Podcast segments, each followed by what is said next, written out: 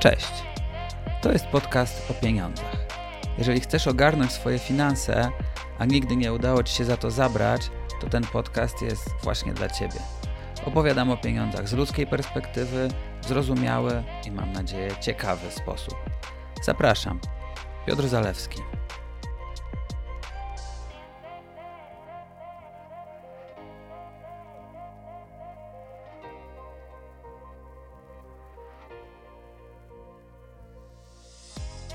Ostatnio jest coraz głośniej o sztucznej inteligencji. Pewnie używałeś lub przynajmniej słyszałeś o ChatGPT, inteligentnym chatbocie lub o Midjourney, generatorze dowolnych obrazów na podstawie słów. A to tylko wierzchołek góry lodowej. AI wypływa na bardzo szerokie wody i jest w stanie zastępować coraz więcej zadań, do tej pory wykonywanych przez ludzi. Jak to wszystko wpłynie na rynek pracy? O tym w dzisiejszym odcinku. Wyobraź sobie, że możesz mieć swojego prywatnego konsultanta, który podzieli się z Tobą opinią na dowolny dotyczący Twoich spraw temat. I to w dodatku prawie za darmo. Na przykład, jesteś prawnikiem i potrzebujesz pomocy w przeanalizowaniu pewnej sprawy. Dostarczasz takiemu narzędziu całą historię tej sprawy i wszystkie związane z nią dokumenty, i po chwili otrzymujesz wszelkie powiązania faktów, wątki, odniesienia do aktualnej sytuacji prawnej i proponowane strategie rozwiązania problemu. Albo jesteś lekarzem i dostarczasz całą historię choroby takiemu narzędziu, a ono daje ci drugą opinię na temat pacjenta, taką, w której pojawia się coś, czego sam nie zauważyłeś. Brzmi jak science fiction? A jest to możliwe już teraz i właściwie dla każdego. Skąd taki teoretycznie odległy temat od finansów w podcaście o pieniądzach? To, co się obecnie dzieje w obszarze AI, to, i nie boję się użyć tego słowa, rewolucja i to rewolucja na wielu poziomach, która będzie miała ogromny wpływ na gospodarkę i to, jak wygląda rynek pracy. Praca poza zasobami i kapitałem to właśnie kluczowy element właściwie każdej gospodarki. Praca oczywiście ma wymiar nie tylko finansowy, też społeczny, kulturowy. Większość z nas właśnie dzięki pracy ma pieniądze. Czy sztuczna inteligencja będzie zastępować pracę, czy ją zmieniać? Czy ludzie będą pracowali mniej albo w ogóle? Czy AI zmusi nas do wprowadzenia tak zwanego gwarantowanego dochodu podstawowego? Na te pytania postaram się dzisiaj odpowiedzieć. Technologie to już od dawna jedno z moich głównych zainteresowań, zresztą między innymi dlatego pracowałem w Google przez ponad dekadę.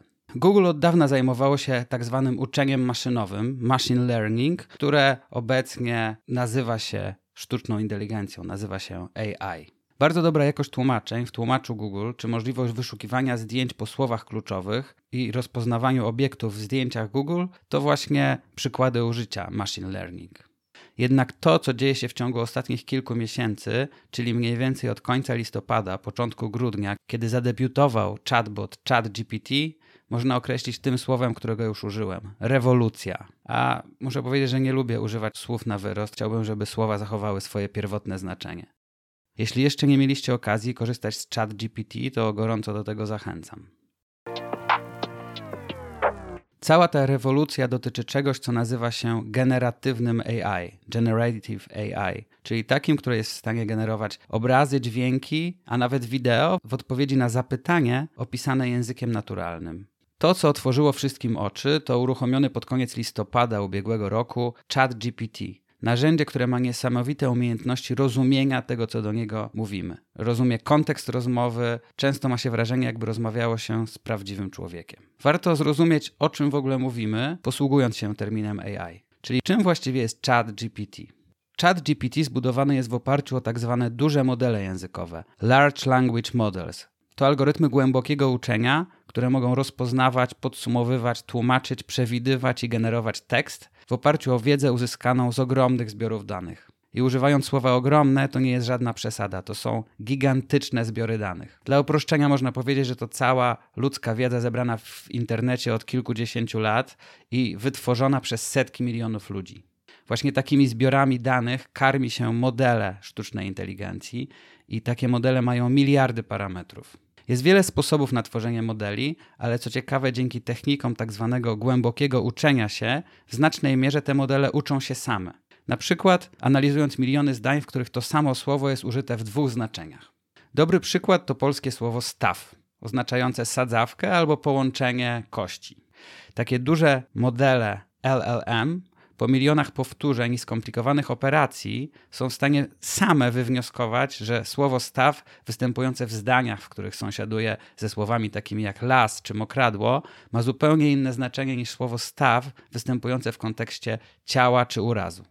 W ogromnym uproszczeniu modele LLM działają w oparciu o określenie prawdopodobieństwa wystąpienia jednego słowa za kolejnym. Chat GPT jest właśnie zbudowany w oparciu o taki bardzo złożony model uczenia maszynowego, a ten skrót GPT to jest Generative Pre-trained Transformer. To narzędzie zostało stworzone przez firmę OpenAI. GPT w wersji jeszcze do niedawna używanej, bo teraz jest nowsza wersja, ale w ostatniej wersji korzystało z ponad 175 miliardów parametrów. I to były dane ogólnodostępne w internecie w większości. Ta liczba parametrów i dziesiątki lat badań nad sieciami neuronowymi sprawiły, że narzędzie takie jak ChatGPT daje niesamowite efekty. Jak to powiedział Arthur C. Clarke, autor książek science fiction, każda wystarczająco zaawansowana technologia jest nieodróżnialna od magii. I zdecydowanie tak jest w tym przypadku. ChatGPT potrafi opowiadać w różnym stylu, być poważny, żartobliwy, potrafi wyjaśniać skomplikowane tematy w prosty sposób, czy łączyć informacje z wielu źródeł i wyciągać wnioski. ChatGPT to obecnie najbardziej głośne narzędzie, takie, o którym najwięcej słychać, najwięcej się mówi, ale jest też wiele innych niesamowitych narzędzi. Choćby Mid Journey czy DAL-E do generowania obrazów na podstawie słów, albo inne, równie sprawne co ChatGPT chatboty, na przykład zaprezentowany ostatnio przez Google BART. Obecnie właściwie każdego tygodnia jest prezentowanych kilka, kilkanaście narzędzi, często tworzonych przez małe firmy, startupy. Dzieje się tak między innymi dlatego, że te duże firmy udostępniają za pośrednictwem tak zwanego API swoje rozwiązania i małe firmy mogą korzystać z tych najbardziej zaawansowanych modeli sztucznej inteligencji. To wszystko sprawia, że ostatnie pół roku to jest prawdziwa eksplozja pojawiających się nowych narzędzi i możliwości, jakie daje Generative AI. I są to narzędzia od takich do tworzenia slajdów w prezentacjach, przez generatory logotypów, muzyki, tłumaczące język prawniczy na prosty język plain English, robiące notatki i podsumowania ze spotkań wideo, czy nawet pierwsze narzędzia potrafiące generować wideo na podstawie słów. Tego wszystkiego dzieje się tak dużo, że jest to właściwie niemożliwe do uchwycenia, a najlepiej tę epokową zmianę pokazuje premiera nowego modelu GPT, który nazywa się GPT-4. Porównaniu do poprzedniej wersji, czyli GPT-3,5, ten nowy model potrafi jednorazowo przeanalizować aż 24 tysiące słów, czyli około 50 stron tekstu. Poprzednia wersja dla porównania radziła sobie naraz zaledwie 3 tysiącami słów. Co więcej, nowe GPT świetnie radzi sobie w różnego rodzaju egzaminach. Najlepszym przykładem jest amerykański egzamin adwokacki, gdzie nowa wersja uzyskała taki wynik jak 10% najlepiej zdających osób, a poprzednia miała taki wynik jak 10% najgorzej gorzej dających osób. Wiadomo, że GPT-4 był trenowany na znacznie większym zbiorze danych. Jak duży to był zbiór dokładnie nie wiadomo, ale poprzednia wersja miała ponad 175 miliardów parametrów. A najlepsze jest to, że ta nowa wersja została zaprezentowana zaledwie rok od ukazania się poprzedniej. Żeby nie było tak hurra optymistycznie, to z Generative AI jest już teraz wiele dużych problemów. Pierwszy i taki najbardziej rzucający się w oczy to tak zwane halucynacje, czyli to, że czasami chatbot w sposób bardzo autorytatywny opowiada absolutne bzdury. Dlatego wyniki podane przez dany model AI warto byłoby sprawdzać w innych źródłach, co jak wiemy z praktyki oczywiście często nie będzie miało miejsca. Druga bardzo interesująca rzecz to, że modele głębokiego uczenia się są tak zwaną czarną skrzynką. Wiadomo, jakie dane zostały do nich wprowadzone, wiadomo, jaki rezultat otrzymaliśmy, ale kompletnie nie wiadomo, co dzieje się w środku, czyli co wynika z czego, dlaczego padło takie, a nie inne rozwiązanie. Kolejna sprawa to jakość danych, na bazie których tworzone są modele. Modele charakteryzuje wiele błędów poznawczych. Jeżeli model jest uczony na danych z internetu, to może na przykład uznać część teorii spiskowych za prawdziwe, albo może mieć uprzedzenia rasowe czy płciowe, bo w sieci jest nadreprezentacja danych dotyczących białych mężczyzn. Już teraz sporo pracy firm tworzących duże modele językowe to dbanie o to, żeby ich jakość była jak najlepsza, jak najbardziej reprezentatywna. Poza tym zespoły pracują też nad tym, żeby chatboty takie jak ChatGPT nie udzielały informacji na pewne kontrowersyjne pytania. Jak choćby takie pytanie, jak stworzyć gaz musztardowy. A z drugiej strony w internecie jest coraz więcej przykładów promptów, zapytań, jak takie obostrzenia obejść.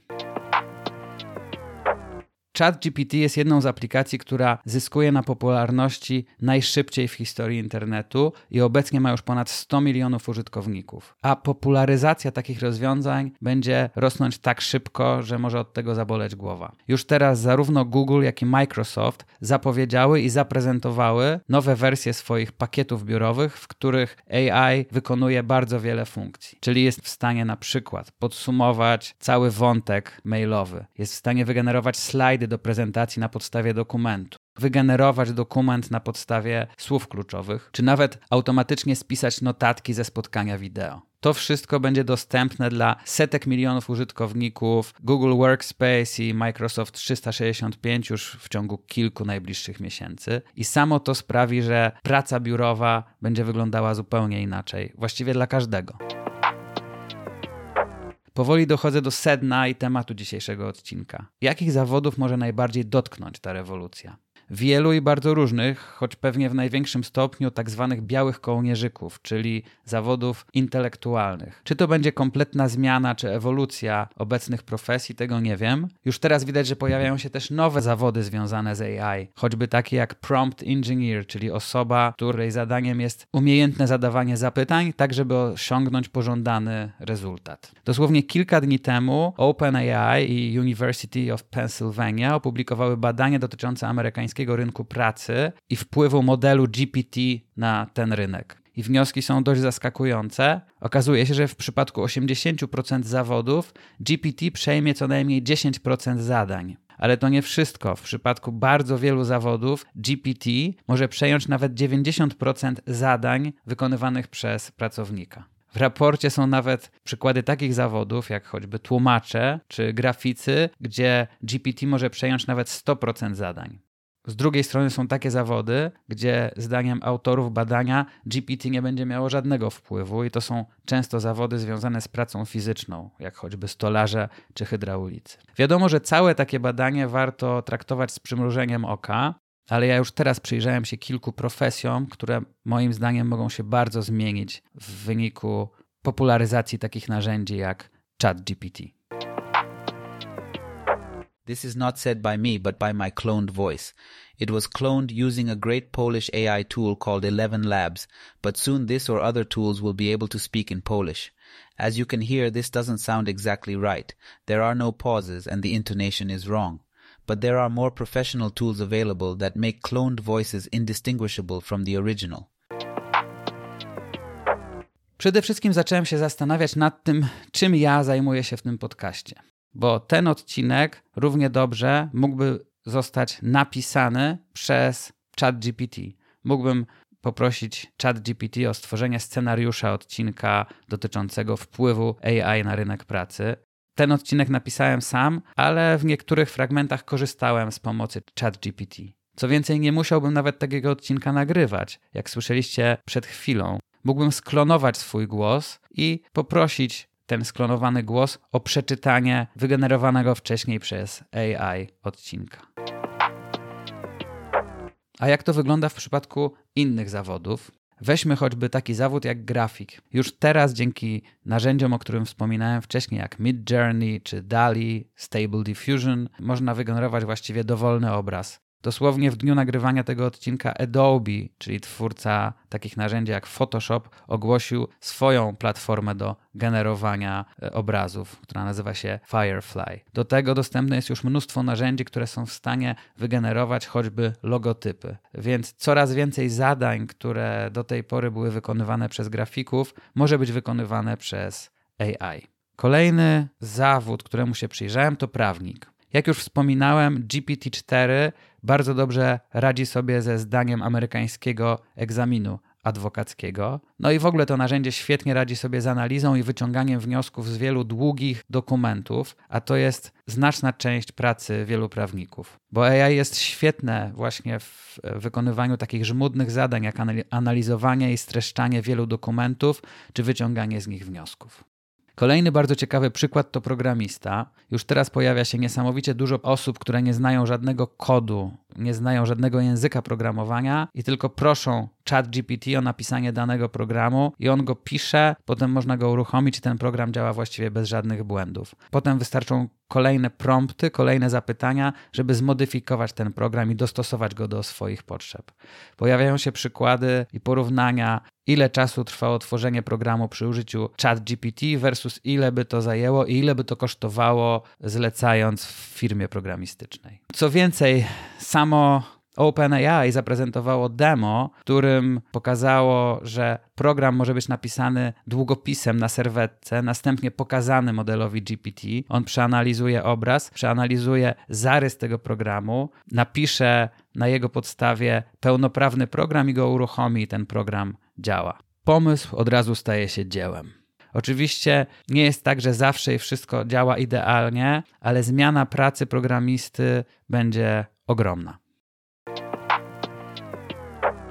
Dlatego w dyskusjach o AI coraz częściej pojawia się pojęcie Universal Basic Income, czyli gwarantowany dochód podstawowy. No bo jeżeli AI będzie tak zmieniało rynek pracy i będzie wypierało różne zawody, to może w jakiś sposób powinniśmy jako społeczeństwo coś otrzymywać z tego, że to, to AI wykonuje taką pracę. Stąd coraz więcej pomysłów na to, żeby część dochodów firm, które mają te największe modele językowe, było przekazywane do budżetu państwa, a następnie dystrybuowane i przekazywane w jakiejś konkretnej kwocie całemu społeczeństwu.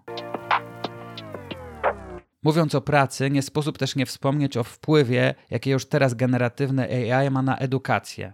Po pierwsze, coś takiego jak prace domowe, czy nawet prace takie jak prace magisterskie, można już teraz w znacznej większości albo nawet w całości wygenerować automatycznie. Więc z jednej strony jest to zagrożenie dla e, tego, w jaki sposób działa obecny system edukacji. Z drugiej strony mamy jakiś przedmiot, którego trzeba się przygotować do egzaminu. Model AI można nakarmić danymi z tego przedmiotu, czyli kilkoma podręcznikami w formie e-booków a następnie poprosić go o przygotowanie podsumowania, wyciągnięcie najważniejszych wniosków, czy przygotowanie quizu, żeby nauczyć się tego tematu. Więc z jednej strony może być to zagrożenie dla systemu edukacji, z drugiej świetna pomoc w tym, jak zdobywać wiedzę, a to jest też tylko jeden z wielu tematów, jak AI będzie wpływało na edukację.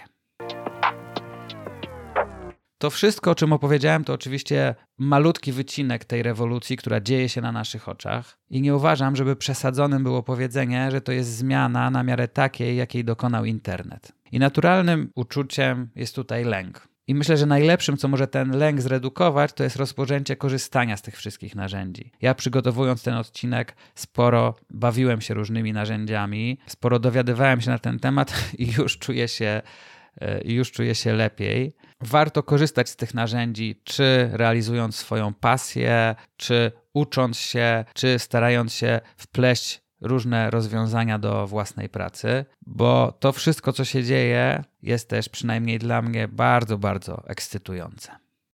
Dzięki za wysłuchanie dzisiejszego odcinka. Temat może nie w 100% związany z finansami osobistymi, ale uważam, że bardzo istotny i taki, o którym każdy powinien w jakiś sposób myśleć i go uwzględniać, planując swoją przyszłość zawodową. Jeżeli podobał Ci się ten odcinek, to oceń go, udostępnij. Możesz też kontaktować się ze mną, pisząc na adres piotr.zalewski.outlook.com. Do usłyszenia.